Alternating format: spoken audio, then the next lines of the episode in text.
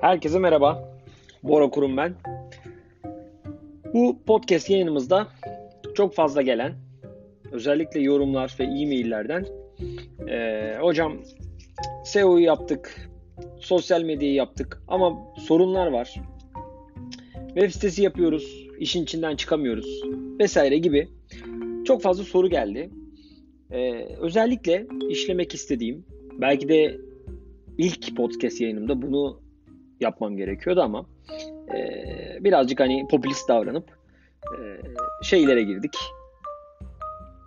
Daha çok böyle e, SEO, e, Google, e, reklamlar, online vesaire e-ticaret onlara girdik ama e, şimdi gelen e-maillerden ve yorumlardan anlıyorum ki stratejiyi konuşmalıyız.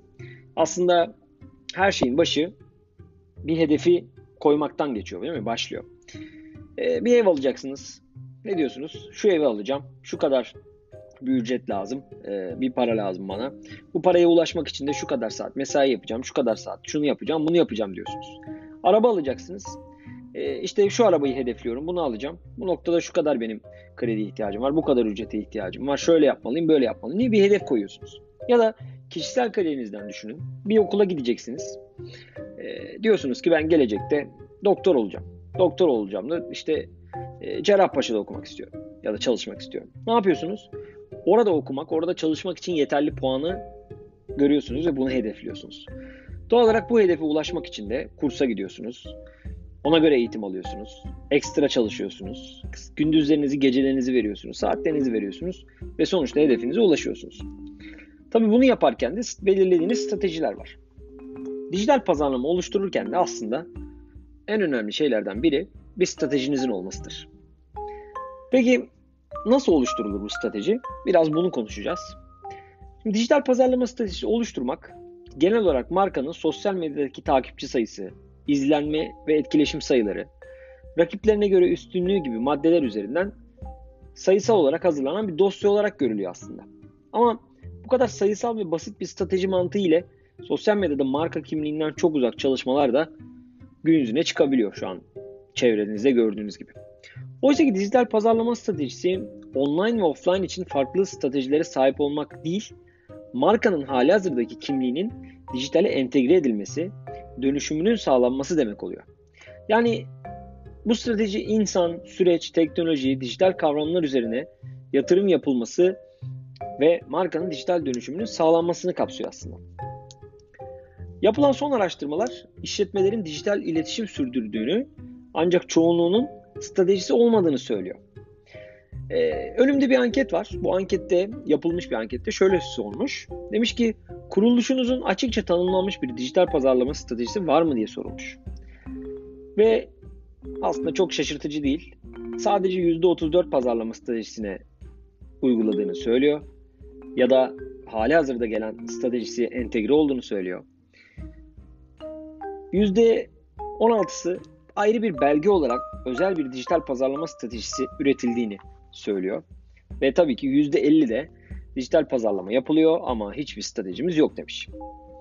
Şimdi dijitalde marka stratejinizin olmadığı durumlarda çeşitli sorunlarla karşılaşmak muhtemel. Ee, bunun için dijital sürdürülebilir iletişim oluşmak, oluşturmak, dijitalde stratejik hedeflerinizin olmadığı durumlarda iletişim için bir kaynak oluşturamıyorsunuz. İletişimi ölçmeniz ve değerlendirmeniz olmuyor. Diyorsunuz ki yarın bir hafta sonu ne yapacağız diyorsunuz değil mi? Bir sonuç çok ortada. Online hedef kitleyi tanımak konusuna bakarsak, dijitalde dinamikler, kullanıcı profili ve davranışları normal geleneksel pazarlamadan tamamen farklı. Dijitalin müşteri profilini en iyi şekilde ölçemleyebilen kanal olduğu söyleniyor biliyorsunuz. Bu sadece Google Analytics, sosyal medya istatistikleri gibi değil. Ee, daha da böyle spesifik olarak bakabileceğiniz e, size detayları sunuyor. Peki pazar payında rakipler ve butik, butik rakipleri bilmek nasıl bir işe yarıyor? Eğer dijital iletişime yeterli ve doğru kaynak ayırmıyorsanız rakiplerinizin buradaki pazar payı sizin pazar payınızdan fazla olacaktır. Bunun dışında müşterilerinize değerli bir farklılık sunuyor olmanız lazım. Daha önceki haftalarda konuşmuştuk farklılaşma ile ilgili. Açıkça bir değeri tanımlamıyorsanız müşterinizin sizle iletişim sağlaması e, sizin iletişiminize etkileşimle karşılık vermesi, yani geri dönüş sağlaması, yorum atması ya da sa- e, sadık bir müşteriye dönüşmesini zorlaştırıyorsunuz aslında. E, dijitalde strateji olmadığı durumlarda yeterli kaynak kaynağınız olsa bile parayı boş harcayabilirsiniz. Maliyetler yüksek, hedef kitlenin yanlış olduğu durumlarda aslında para sadece boşa gidiyor. Ve bunu bu şekilde yapan çok fazla firma var. Yani ben diyor ki aylık 5000 TL para harcıyorum ama sonuç yok. Çünkü bir hedef koyulmamış. Performansın e, değerli olup olmadığını, sonucun iyi olup olmadığını ölçecek hiçbir şey yok işin içinde. Peki dijitalin dinamiklerine uyum sağlamak, sosyal medya iletişim sürdürmek birbirinden çok farklı. Teknolojiyi takip etmek, uygun araçları markaya entegre etmek dinamik bir yapı ve stratejide olması gereken özelliklerden. Bir web sitesi e, ölçümlüyorsunuz diyelim. E, fakat ölçümlemedeki performans göstergelerini belirlediniz mi? Bu soruyu da kendinize sormanız gerekiyor. E, diyorsunuz ki ben Google Analytics'ten yeterince veri alıyorum. Benim sisteme ayda 10 bin kişi geliyor. 10 bin ziyaret alıyorum. E peki bu nereden geliyor? Kim sizin ziyaretiniz, sizin web sitenizi ziyaret ediyor? Hedef kitleniz mi ediyor? Yoksa hiç sizle alakalı olmayan birileri mi? Peki bu aldığınız istatistikleri stratejinizi geliştirmek için, sosyal medya iletişimini güçlendirmek için, marka algısı gibi konularda nasıl kullanıyorsunuz? Bu sorulara da cevap vermek gerekiyor. Şimdi dijital pazarlama stratejisinin gerekliliğini, neden gerekli olduğunu biraz anlattık. Şimdi nasıl oluşturabiliriz? Stratejiyi nasıl oluşturabiliriz? Bundan konuşalım istiyorum.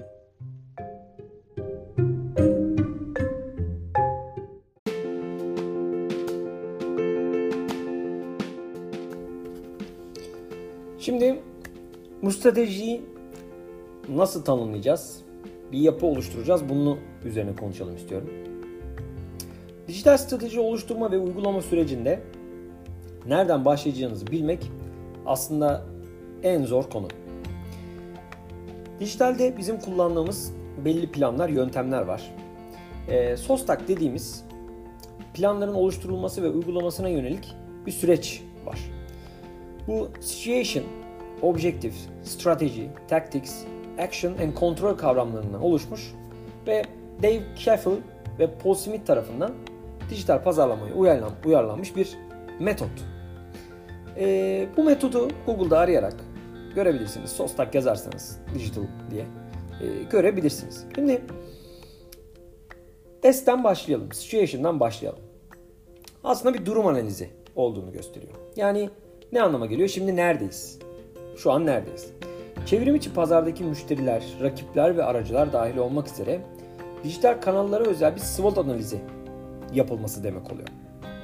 SWOT analizi bilenler olabilir, bilmeyenler olabilir. O da belli kelimelerin e, baş harflerinden oluşmuş bir metot, analiz metodu. Ve firmanızla ilgili, ürününüzle ilgili, hizmetinizle ilgili güçlü yönleri, zayıf yönleri, fırsatları ve tehditleri gösteren bir e, chart. SWOT'un S'si stretch, stretch, e, V'si güçlü, güçlü anlamındaki weight, O'su opportunity, T ise threat anlamından geliyor. E, doğal olarak SWOT yapmak hem pazarlama hem dijital pazarlama anlamında çok çok önemli. SOSTAK'ın ikinci harfi O'suna geçelim. Objectives yani hedefler. Biz nerede olmak istiyoruz anlamına geliyor. Dijital kanallar için satış hacmi, maliyet tasarrufu gibi sayısal verileri içeren kısım bu.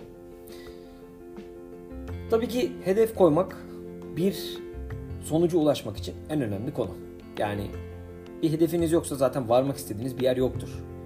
O zaman neden bütün süreci yönetiyorsunuz? Böyle düşünün. S'e gelelim. Strateji. Tabii ki oraya nasıl gideceğiz sorusunun cevabı. Yani hedef var. Bir analiz ettik. Buradayız. Hedef olarak şuraya ulaşmak istiyoruz. Ve artık stratejimiz ne? Nasıl gideceğiz oraya? Bunu tanımlayacağımız alan burası. Tactics, taktikler dijital iletişim araçlarının kullanımını aslında tanımlıyor. Ve dijital iletişim, sosyal medya platformlarının seçimi, web sitesinin kullanımı, CRM gibi kararları verdiğimiz alan burası. Yani bir stratejimiz var. Oraya nasıl gideceğimizi cevapladık. Artık hangi taktikleri kullanacağız? Bunları ortaya dökmemiz gerekiyor. Solstack'ın A harfine geldiğimizde actions yani eylemler kısmında da dijital dönüşüm yönetimi ve proje yönetimi becerilerini ifade ediyor bu e, adım. Strateji ve taktiklerini uygulama oranı ile ilgili bir kısım bu. Ve Solstack'ın son iki harfi kontrol. Strateji ve taktiklere hedef taktik hedeflere ulaşıp ulaşmadığımızı değerlendirdiğimiz alan bu. Bir hedefte, bir metotta, bir gideceğiniz bir stratejide her zaman kontrol checkpointler koymak zorundasınız. Çünkü başarınızı başka türlü ölçemezsiniz. Çok çok önemli. Bunun dışında vizyonu, hedefi ve KPI'leri tanımlamak çok önemli. KPI burada dediğimiz şey anahtar performans göstergesi diye bahsettiğimiz alan. Gelecek vizyonu ve dijital pazarlamaya yönelik hedeflerinizi geliştirirken sayısal hedefleri net olarak belirlemek, performansı gözler geçirmek için farklı düzeylerde ölçümleme araçları kullanmak çok etkili olur. Sosyal medya hedefleri, web sitesi hedefleri, satış hedefleri gibi birçok farklı hedef için araçlar bulunuyor. Ee, bununla birlikte yöneticiler sayfadan çıkma oranı ve bekleme süreleri gibi biliyorsunuz verilerle insanlar ilgilenmezler. Ee, bunun için doğru hedefleri koymanız gerek. Yani şunu gidip diyemezsiniz bir yöneticide ya da kendinize şunu dememelisiniz. Yani. İşte biz AdWords'te şu kelimeye şu kadar para harcamışız. Ya bu duyulması istenen şey değil. Duyulması istenen şey ben bu kadar para harcamışım ama bunun karşılığında ne elde etmişim. Doğal olarak bunları belirlemek çok önemli. Hedefleri belirlerken şu kriterleri de göz önünde almak önemli. Örneğin satış hedefleri düşünelim. Online bir mağazanız var ve bu kanaldaki satışlar için bir hedef koymak istiyorsunuz ya da offline mağazanızda lokasyon bazlı hedefler belirleyebilirsiniz. Bir müşteri ilişkisi hedefiniz olabilir. Dijital kanallar sadece satış kanalı değil biliyorsunuz. Kitlenizde iletişim kanalı olarak da öne çıkabilir. Bu nedenle kitlenizle olan iletişiminizi, etkileşiminizi de bir hedefler doğrultusunda ilerletebilirsiniz. Çevrim için müşteri hizmetleri hedefiniz olabilir. Mesela şirket web sitesi, sosyal medya hesapları, müşterilerin soru sormak ya da şikayetlerini dinlemek için mükemmel bir yer. Bu nedenle müşteri hizmetlerinde ne kadar iyi olduğumuzu değerlendirmek ve süreci iyileştirmek için müşteri memnuniyet hedeflerinizi belirleyebilirsiniz. Maliyet tasarrufu sağlayan hedefler olabilir. Mesela dijital maliyetlerini düşürmek, elinizdeki bütçeyle daha fazla kişiye ulaşmak bir hedef olabilir sizin için. Ya da markanıza değer katan hedefler koyabilirsiniz. Markanızı online dünyaya entegre etmekle ilgili bilgiler düşünebilirsiniz. Kitlenizin kitleniz ve sizin için olumlu olan bir online marka deneyimi sağlamayı hedefleyebilirsiniz. Şimdi stratejimizi oluşturmaya geldiğinde ise hedef stratejiyi oluşturma noktasında da dijital dünya müşterilerinizi daha yakından hedeflemeniz için büyük bir fırsat sunuyor size. Dijital pazarlama stratejinizi belirlerken hedefleme kriterlerini de doğru tanımlamak çok önemli. Yani hedef kitleniz herkes olamaz. Hedef odaklı bir teklif sunmak için kendinize fokus gruplar yani odak gruplar belirlemeniz gerekiyor. Platformlar özelinde biliyorsunuz kullanıcı davranışları bambaşka. Google Ads, AdSense, Facebook, Instagram gibi farklı farklı platformlarda farklı farklı hedef kitleler var. İlk olarak kendi hedef kitlenizi belirleyip daha sonra bu hedef kitleyi demografi, davranış ve ilgi alanları ve lokasyon gibi özelliklere ayırmak çok önemli. Yine bir başka strateji planı sizi farklılaştıran noktaları belirlemek çok çok önemli. Zaten daha önce bir yayın yapmıştık. Tamamen bununla ilgili. Hedefleme planlama gibi konularında şirketin online başarıya ulaşmalarına yardımcı olan şey markalarının gücü ve müşterilerine sundukları değerdir. Dijital kanallar hala oldukça yeni ve birçok tüketici hala bunları kullanmaya yeni geçiyorlar ya da hala yeniler. Bu anlamda iki tane önemli konu var. İlk olarak markanın temel özelliklerini nasıl müşteriye aktardığınız ve özellikle sizi farklı kılan şeyleri belirlemek gerekiyor. Bu markanızı ürün ve hizmetleri rakiplerinize göre konumlandırdığınız yer oluyor aslında. İkincisi değerinizi kanal temelli ayrıştırdığınızdan emin olmanız önemli. Platforma özel teklifleri değerlendirerek müşteri bu yönde sunabilirsiniz. Son zamanlarda duyduğunuz markalar özellikle e-ticaret markalarını biliyorsunuz. YouTube'da, Instagram'da, TikTok her yerde görüyorsunuz. Ama sizin bu kadar bütçeniz olmayacağı için doğru kanalda doğru kişiye ulaşmak en önemli şey. Bir de işin aslında yeni müşterilere ulaşma noktası var. Yani bir plan olmalı yeni müşteri kazanımı için. Dijital halihazırda markanızı bilen kişilerin dışında yeni ve potansiyel müşterilere de ulaşmanızı sağlayan bir araç. İletişim stratejinizde bu konuya yer vermeniz ve pazar hacminizi genişletmeniz için bir plan olması gerekiyor. Yeni müşteri kazanımında markanızı, ürünlerinizi ve farkınızı anlatmak sizin önceliğiniz olmalı.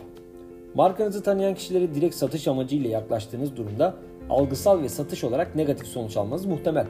Ama dijital üzerinde doğru bir iletişimle ulaştığınız kişilerde farkındalık oluşturuyorsunuz. Bilgi, beğeni, tercih, görüş, aksiyon gibi farklı farklı bir adım oluşturuyorsunuz. Örneğin önce sizin farkınızda olması için bir iletişim sunuyorsunuz onlara. Sonra sizin hakkınızda bilgi elde ediyorlar. Sonra ürünlerinizi beğeniyorlar. Sonra sizi tercih etmeye başlıyorlar. Sonra yaptıklarınıza inanıyorlar ve satın almaya geçiyorlar.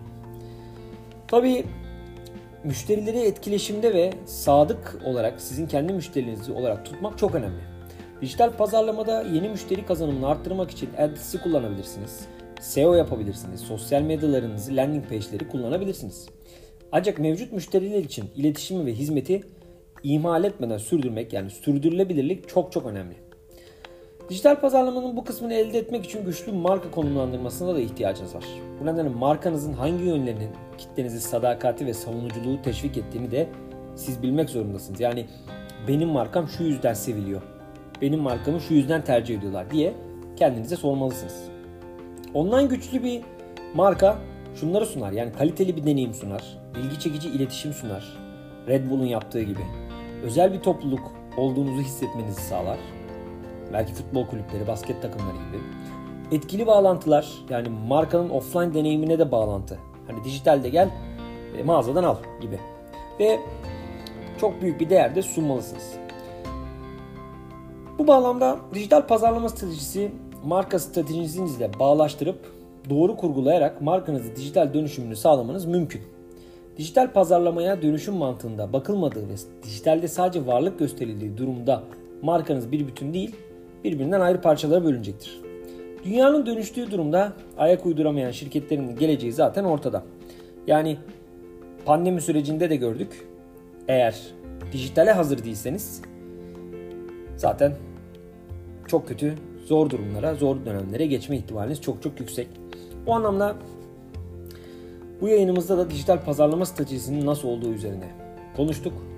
Sorunuz varsa www.borakurum.com.tr'den iletişim.borokurum.com.tr'den bana ulaşabilirsiniz. Sonraki yayınlarda görüşmek üzere. Hoşçakalın.